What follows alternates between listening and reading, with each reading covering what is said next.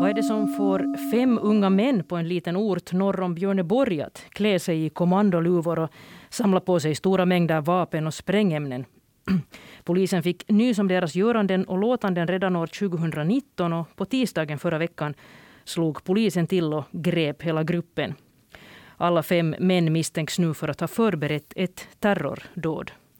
Det här är första gången som extremhögern i Finland utreds för misstänkta terrorbrott.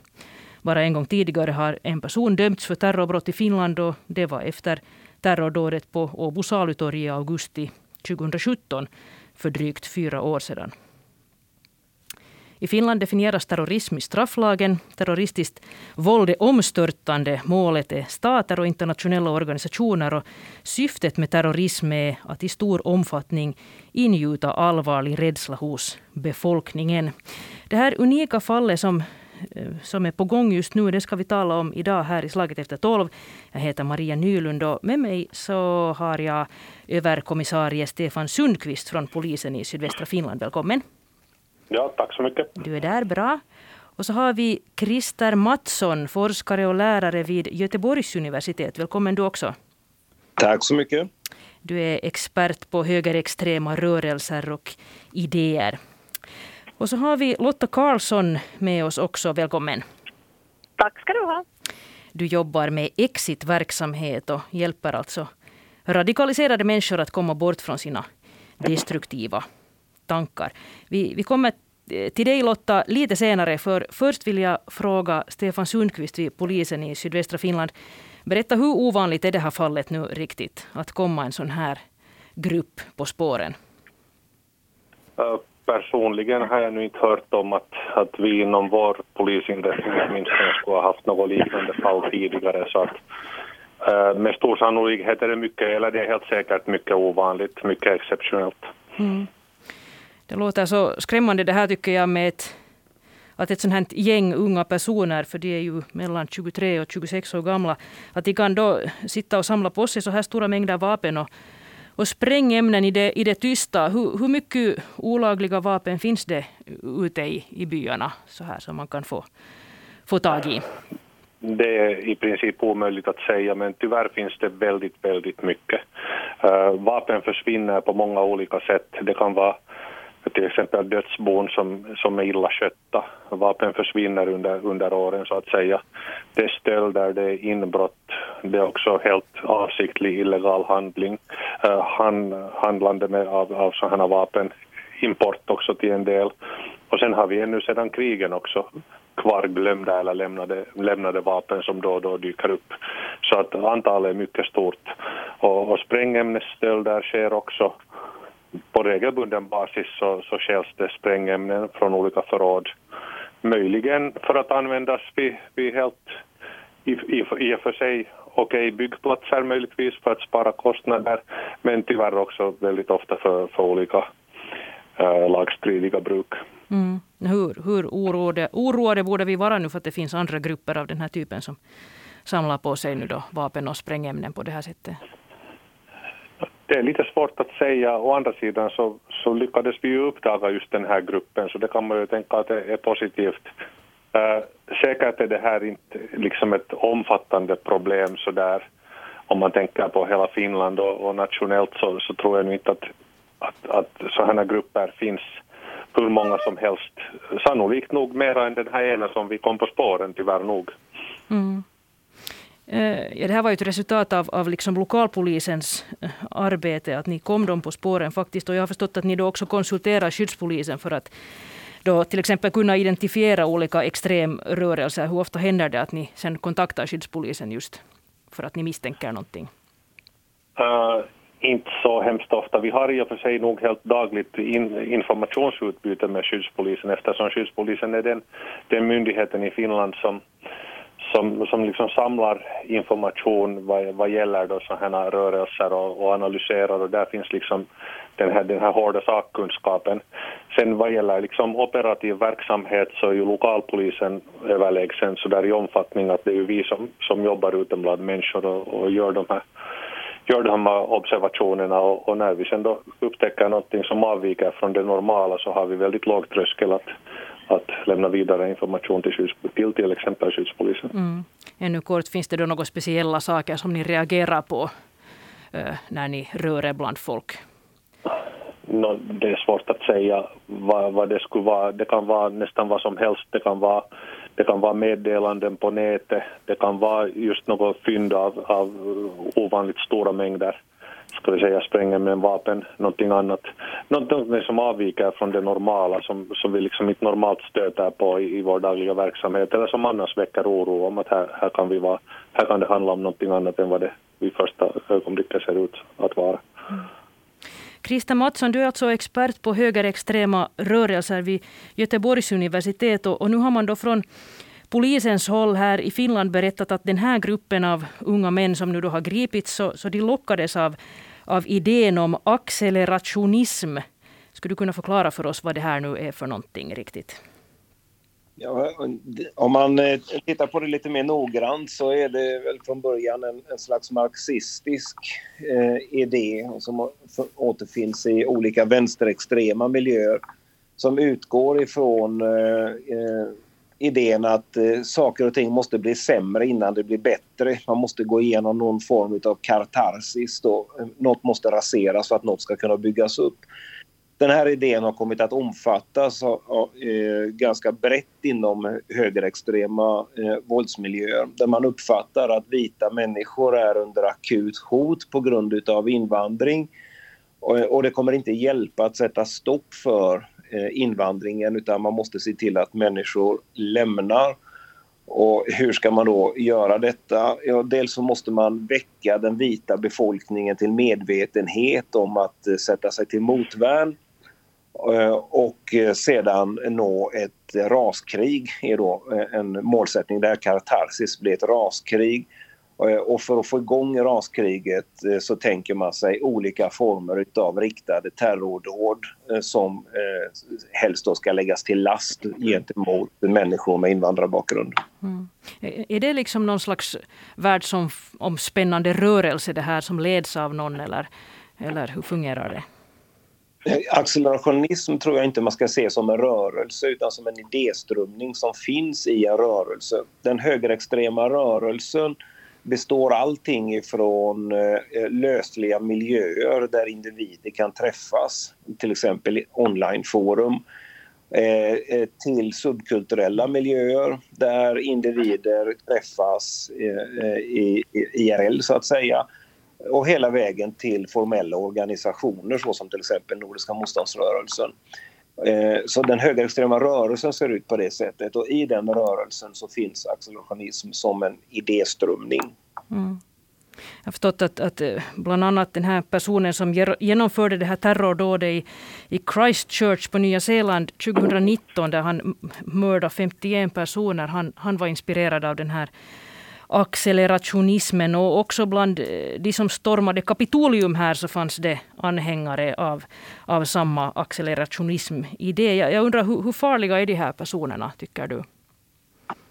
Ja, de individer som vi ska vara mest rädda för det är de som agerar ensamma. Det här avslöjandet i, i sydvästra Finland får vi se både i Finland och internationellt som väldigt ovanligt. Visst, det förekommer att man avslöjar högerextrema terrorceller. Det förekommer också att högerextrema ter terrorceller eh, går till angrepp men, men, både i närtid och historiskt är det förhållandevis ovanligt. Det största terrorhotet kommer ifrån enskilda individer som inte har fysiskt samröre med andra personer men som är uppkopplade mot de här idéerna. Så den här idén eh, är då i någon mening en farlig inspirationskälla till individer som, som är oberäkneliga eh, och kan tänkas eh, agera ensamt. Då. Och det är mycket svårare för polisen att identifiera dem. Just det, men det här, det här att det faktiskt var en grupp på fem personer som hade då samlats kring det här, så det, det är ovanligt. Det är mycket ovanligt. Precis. Jag, jag talade med specialforskaren Eero Pietilä från, från skyddspolisen eh, före den här diskussionen och han berättade att de idag räknar med att det finns knappt 400 personer i Finland som har någon form av kontakter till terrorismnätverk och, och den här siffran har varit densamma i, i många år redan. Det är vissa faller bort och vissa kommer till. Eh, och man räknar då med att bara en del av de här människorna skulle vara eh, då beredda att gå så långt att man skrider till någon slags konkreta åtgärder. Och, så ska man komma ihåg att det då finns anhängare av våldsbejakande högerextremism. Men det precis som, som Krista Mattsson var inne på här också så finns det ju eh, en del personer som är våldsbejakande vänsterextremister också. Dessutom finns det anhängare av religiöst motiverade våldsbejakande extremism och dessutom radikala alternativrörelser och då det som vi var inne på, enskilda aktörer. Nu har jag, eh, Krista Mattsson, förstått att, att, eh, att, att högerextremismen som, som rörelse i Sverige är betydligt mer organiserad eh, än här hos oss. Och det har väl delvis att göra med att att den nynazistiska organisationen Nordiska motståndsrörelsen förbjöds i Finland för ungefär ett år sedan.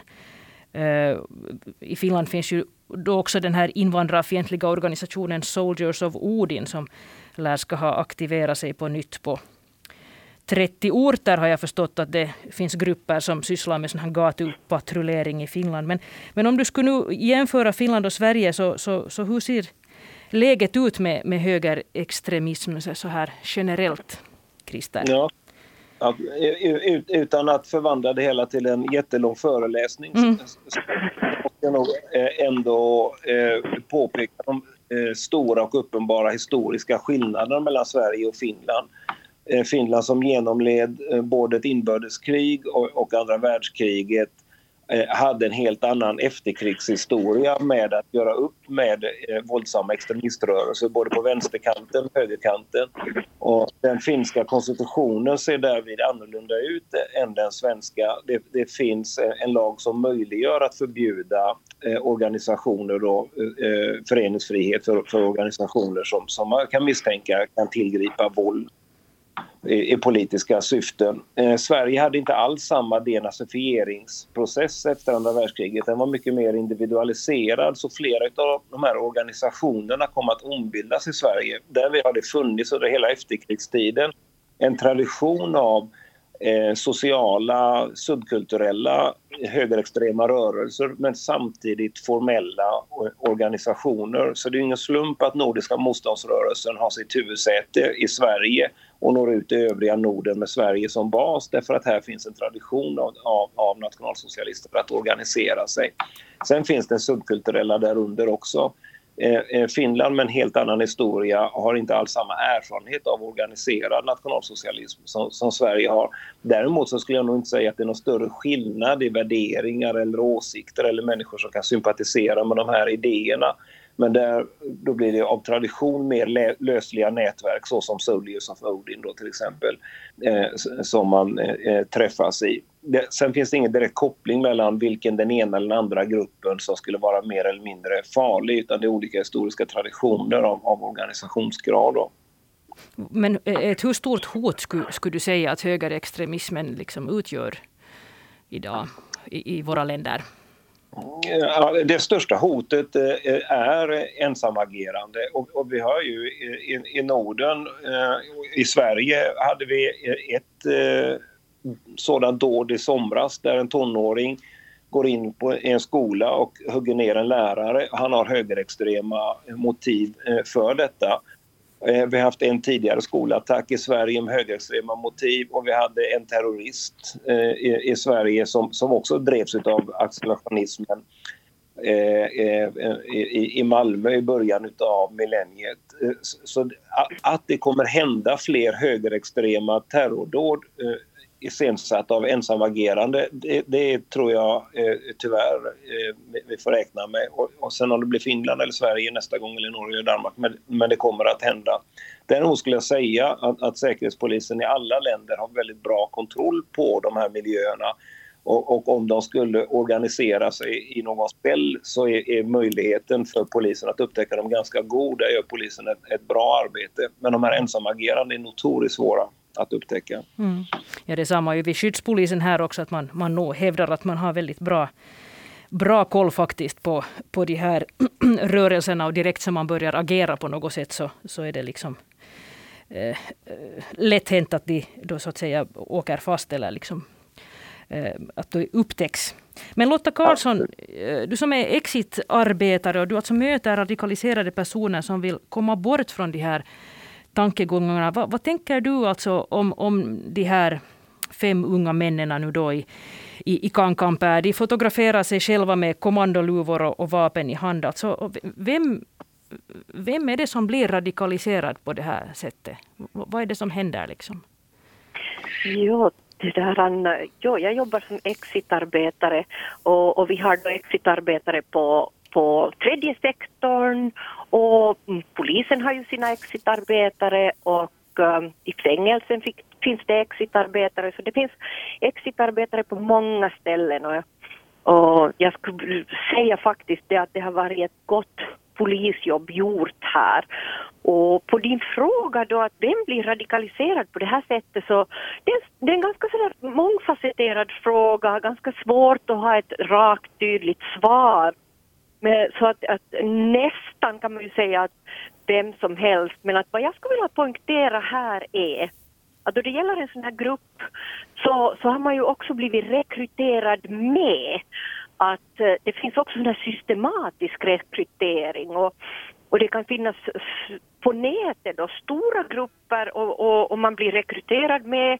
Det kan finnas någon som är en sån karismatisk ledare som sen kan påverka andra.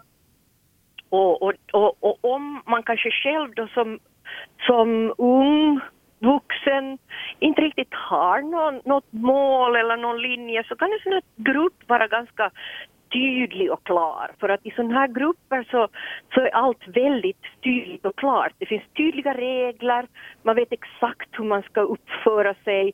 Tankevärlden är ganska sådär svartvit, inte så mycket nyanser, inte kanske så mycket kritiskt tänkande. Och, och, då, kan man, då kan man vara i väldigt sån sårbar position att bli mer, medrekryterad. Mm vad, vad, skulle du säga att, att eh, finns det någon, någon gemensam nämnare bland, bland de som lockas av den här typens extrema idéer eller som, som låter sig rekryteras så att säga?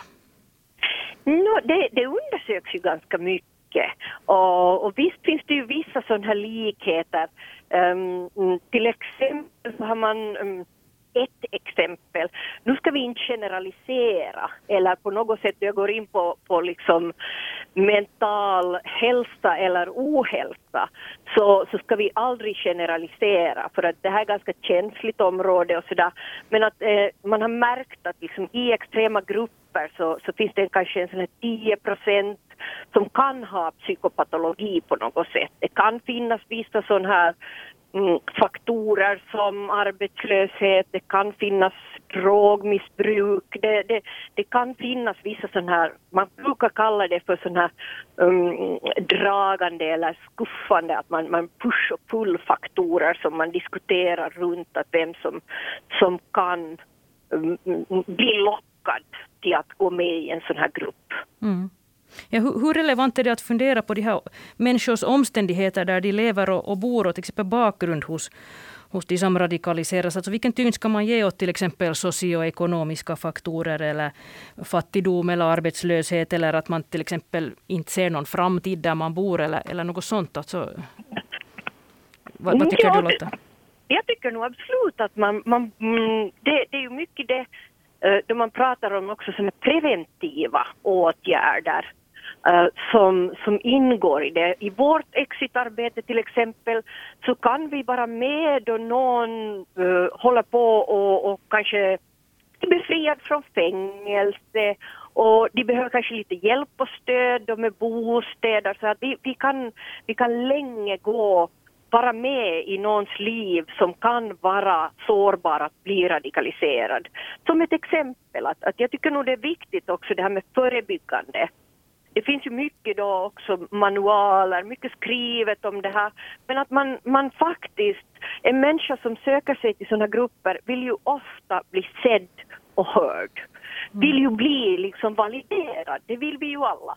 Och då om man hittar det i en sån här grupp, så då, då behöver man ju någonting istället för. Man behöver bli sedd och hörd någon annanstans. Man behöver kanske kanalisera. Om man är liksom extrem, att man till och med börjar ha liksom sån här våldsbejakande och till och med begår våldsbrott, Så, så då behöver man ju kanalisera det här våldet åt, åt något annat håll. Man kanske behöver en annan grupp som man sen kan kny, anknyta till. Och det, det mera, jag diskuterar mer kanske grundorsaker här och sådana här liksom djupare processer som då innebär i, liksom att exit, in, exit-arbete innebär det här med att det är frågan om år ofta som vi, som vi jobbar med klienter. Mm. Vad tänker du Krista Mattsson om det här om, om, om, om att, att, hur mycket man till exempel ska fundera på omständigheter och bakgrund hos de som radikaliseras? Eller är det så att det finns lika många stigar att bli radikaliserad som det finns radikaliserade? Nej, eh, nej, det skulle jag nog säga att, att det inte eh, finns. Eh, Radikaliseringsprocesserna eh, varierar ju naturligtvis en del, men inte hur mycket som helst. Det här är ju ett av mina huvudområden eh, när jag studerar, nämligen vägarna in, in i, i de här miljöerna utifrån socialpsykologiska eh, utgångspunkter. Eh, men eh, det som är problemet är att eh, när jag studerar eh, varför någon blev radikaliserad så kommer man hitta olika svar på det. Men eh, de frågorna varför den enskilde blir radikaliserad är ganska dåliga instrument för att avgöra vem som annars kan bli radikaliserad. Precis som Lotta berättar så finns det ju en förhöjd prevalens bland individer med psykosocial ohälsa eller psykopatidrag. Eh, eh, eh och, och, det återfinns i, i till exempel min forskning. Eh, men det är ett dåligt instrument för att eh, ta reda på vem som kan tänkas bli radikaliserad i framtiden. Eh, eh, en faktor som vi definitivt ska titta på är våld under uppväxten. De som utövar våld i extremistmiljöer eh, är ofta offer för våld under uppväxten. Så en bra idé är ju att se till att, att göra samhället så fritt som det är möjligt för att barn ska eh, exponeras för våld under uppväxten. Inte för att de ska bli terrorister utan därför att det leder till en lång rad av andra eh, eh, problem. Eh, så vi, vi har eh, en polis som jobbar med säkerhet och sen har vi skola och socialtjänst och ungdomsarbete som arbetar med att främja eh, eh individer. Då. Så ett, ett bra främjandearbete i breda meningar kommer förebygga psykisk ohälsa, kommer förebygga våld i allmänhet. Så det ska man nog fokusera på. Vad det mm. gäller att förebygga just extremism eh, då, i, i välfärdssektorn då ska man snarare fråga sig var äger detta rum? För det har ofta geografiskt avgränsade ytor var det äger rum.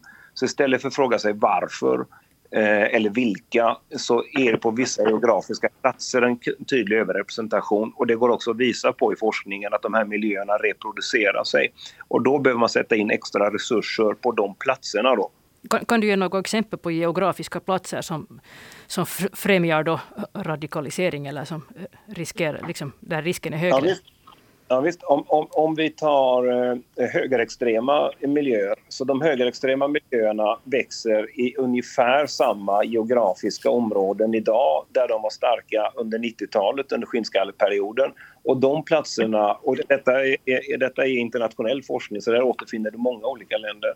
Och de platserna är ungefär samma platser där de var starka under mellankrigstiden och under andra världskriget. Så det finns helt enkelt en, vad ska vi kalla det för, en brun reproduktion utav fascistiska eh, eh, idéer och, och rörelser. Eh, och, och, på de platserna så där finns det ju en betydligt större risk att, att individer som har andra riskfaktorer eh, kommer hamna i eh, högerextrema våldsbejakande eh, miljöer. Så de som arbetar i skola, socialtjänst och ungdomsarbete på de platserna behöver kanske ha lite mer kunskap om just de här processerna än, än genomsnittet. Men att tro att skola och socialtjänst över hela landet mm. eh, behöver samma kunskap, eh, eh det, det, är en överloppsgärning.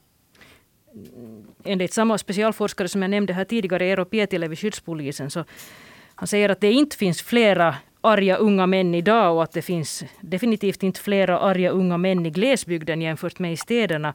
Om, om någon drog en sån slutsats av det här att, att de här männen nu kom från den lilla orten Kankanpää. Men vilken är din bild, Stefan Sundqvist, från, från polisen? Alltså, känner du igen det här med, som, som eh, Krista Mattsson pratar om, om geografiska avgränsade områden där? Var stöter ni vid polisen främst på de här arga unga männen?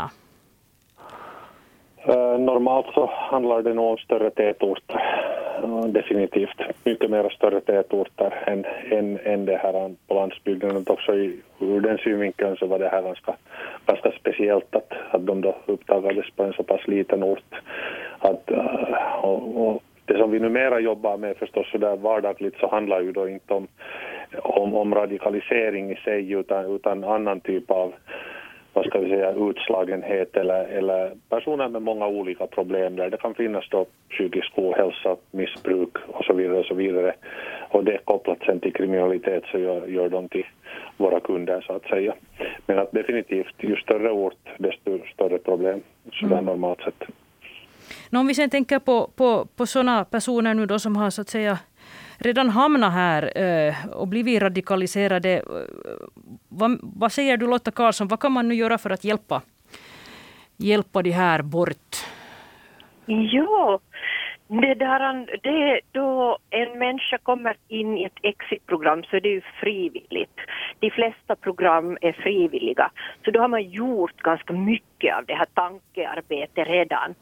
Och, och, därför så, så, finns det motivation. Det går inte att tvinga någon till um, så att säga liksom att ändra sitt beteende om man inte är motiverad. Så, men att då har man ju ofta blivit isolerad från, från alla, alla sina liksom anhöriga.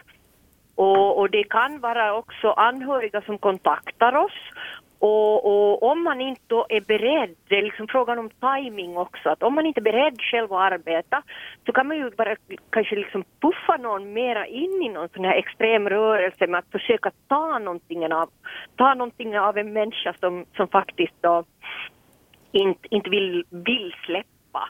Och, och det är det då kanske att man, man börjar jobba med att hur man kan släppa de här idéerna som inte mera som inte människan mer har nytta av eller liksom som gagnar dem. Så det är egentligen vad exit-arbete går ut på. Och, och, speciellt då om man har varit i någon, någon grupp så, så, som är väldigt svartvit i sitt tänkande. Att, eh, en del är man fiende eller så är man vän. Så då kanske man jobbar med en människa på ett sånt sätt att man, man liksom jobbar med människans um, självbild och konstaterar att, att, att man kanske inte är ett avskum fast man inte hör till den här gruppen mera. Och, och, och jobbar mycket med sån här liksom um, nätverk, man får, får så att säga tillbaka, reintegrerar människan i samhället, får, får människan att anknyta till någonting, någonting nytt eller annat som inte då har med, med våldsbejakande tankar eller, eller liksom väldigt extrema tankar att göra. Mm här under de senaste tio åren så har det väl hänt en hel del. Eh, man har startat upp en, olika sorters verksamheter. Bland annat polisen har ju sin ankarverksamhet tillsammans med eh, en massa andra myndigheter. Hur, hur bra fungerar den här, Stefan Sundqvist? Hur omfattande är den här ankarverksamheten, skulle du säga? Den är ganska omfattande och vi har utvidgat den hela tiden. Där är ju målgruppen i, i, i första hand unga och, och, idén är det att få liksom de, få, få en sån här, vad ska vi säga, att vi väcker liksom andra det som det var tal om tidigare här, andra tankar hos dem och, och få dem att märka att, att, att, hej, att om du fortsätter längs den här stigen så, så, så ser ditt liv inte speciellt bra ut. Och, och sen då tillsammans med de andra myndigheterna då som sagt hitta, hitta olika åtgärder och stödåtgärder för att få, få personen helt enkelt styrd, styrd åt ett annat håll innan det är för sent. Vi, vi tyvärr stöter på väldigt unga personer också som, som verkar vara ganska långt bortom all hjälp så att säga tyvärr. Men att i de allra flesta fall så, så kommer vi in i, i ett sånt, sånt skede där, där vi ser att det finns möjligheter att påverka en människas mm. framtid. Hur är det Lotta, Lotta Karlsson, kan, kan det vara så att man är liksom bortom all hjälp och, och liksom räddning? Eh, ja, det beror ju på. Det, det, är en svår, svår fråga. Det finns ju nog eh, just då på tredje sektorn som här som plockar upp de som, som faktiskt inte har någon, någon annan möjlighet kvar i de här liksom nätverken som är anordnade statligt eller från, från um, um staden. Men uh, då kan det ju också vara frågan om att, att um, man kanske inte litar på såna statliga organisationer och, och, då kommer den här tredje sektorn in då till stor hjälp för att då kan man bilda det här förtroendet och få den här kontakten.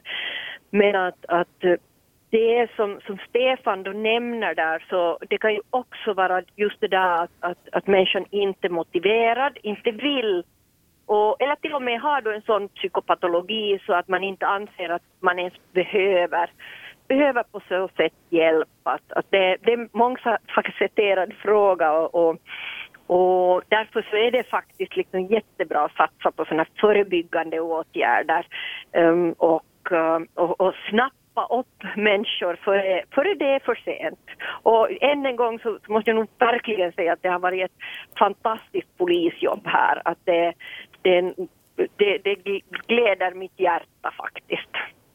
Krista Mattsson, vad har ni för erfarenheter i Sverige? Vad fungerar bäst för att hjälpa, hjälpa människor som har, som har radikaliserats?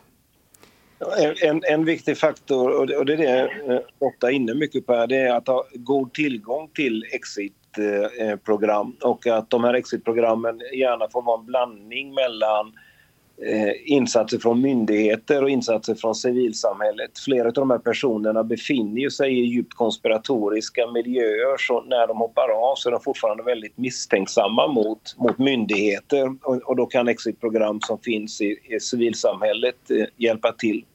Sedan är det också som Lotta säger, att eh, eh, tidsfaktorn är avgörande eh, både när det sker och att en insats kan komma väldigt fort. Eh, det, det är öppna fönster i korta ögonblick när de här människorna börjar tvivla på sin tillvaro. Ska man vänta en månad på en insats så, så stängs det där eh, fönstret. Sedan är det där med icke-konfrontativa metoder, att, att, eh, ett icke-dummande förhållningssätt inom kriminalvården och att, att, att, eh, att, att bli behandlad som en människa, att bli tagen på allvar, att bli, att bli lyssnad på en radikaliserad människa behöver få lov att prata med någon som inte är radikaliserad eh, utan att bli dömd för att till slut kunna höra på sig själv. Då. Eh, och det går igenom väldigt mycket i, min forskning att de, eh, de som har hoppat av och, och lyckas att avradikalisera sig berättar nästan alltid om de här dialogerna de har varit inblandade i med människor som har orkat lyssna på dem tills de till slut börjar höra sig själva. Mm, orka lyssna, just det. Mm. Vi ska börja avsluta här eh, alldeles snart. Eh, jag tänkte som sista fråga här. Eh, konstatera det att, att, att nätet är tillgängligt här nu för oss alla. Vi, har, vi kan liksom surfa överallt och få kontakt med människor på andra sidan jordklotet som kan inspirera oss till allt möjligt. Eh, och enligt skyddspolisen då så har intresse ökat i stadig takt bland högerextremister för just den här accelerationismen som vi har pratat om här idag under de senaste 3-5 åren. Och det här gäller tydligen hela västvärlden. Jag, tyck, jag skulle vilja fråga er nu att om vi blickar framåt här, eh, så hur oroade tycker ni att vi ska vara för utvecklingen? Vad, vad, säger, vad säger Stefan Sundqvist? Om ja, det? Jag, jag är inte riktigt någon expert på området. Själv, själv så tar jag saker som de kommer och, och litar på att vi ändå har ett, om vi talar om Finland så har vi ett, i, i stort ett väldigt stabilt samhälle som, som nog tål törnar och har tålt törnar tidigare också. Och så litar jag eh, ganska långt också på vår egen organisation och på, på, på människors liksom sunda förnuft att, att sådana så här tråkiga fenomen finns tyvärr och, och, det händer hemska saker och tyvärr kommer det säkert att hända obehagliga saker också i framtiden men i stort så, så vill jag inte liksom säga att jag är orolig desto värre. Mm. Vad säger Lotta Karlsson? Ja, på grund av tidsbrist så flyttar jag över frågan direkt till Christer och det där, um, jag tar inte så mycket, mm, mycket stånd till den, den tanken där för att jag, jag, jag är mera exit, jag har inte en sån där stor överblick över situationen på så sätt. Men tack för mig i alla fall. Christer, okay. vad säger du? vad säger Christer Mattsson? Nej, jag, jag, jag, skulle väl eh, hålla med Stefan om att jag, jag, tycker inte man ska gå runt och vara orolig eh, inför detta. Eh, den finska polisen och polisen i de andra nordiska länderna har bra koll på de här miljöerna. Det finns alltid en risk för de här ensamagerande eh, men det går inte att leva i ett samhälle utan risker och, och, och, varje risk måste värderas i, i, i hur stor den är och, och, hur mycket vi ska oroa oss eh, för den. Så jag tycker inte man ska gå runt och vara orolig eh, för detta. Däremot så tycker jag faktiskt att vi alla ska oroa oss för att vi har en bra och grundläggande välfärd eh, eh, och skolgång och, och omsorg om, om, barn och unga som, som växer upp. Eh, så länge den är stabil eh, och, och välfungerande så minskar risken för en lång rad av andra problem som, som också eh, eh, skadar samhällsväven. Så skulle jag hellre uttrycka det. Här avslutar vi dagens diskussion i Slaget efter tolv. Tusen tack till er som var med. Lotta Karlsson som är alltså exitarbetare, Krista Mattsson från Segerstedt-institutet vid Göteborgs universitet och Stefan Sundqvist som är överkommissarie vid Sydvästra Finlands polisinrättning. Jag heter Maria Nylund.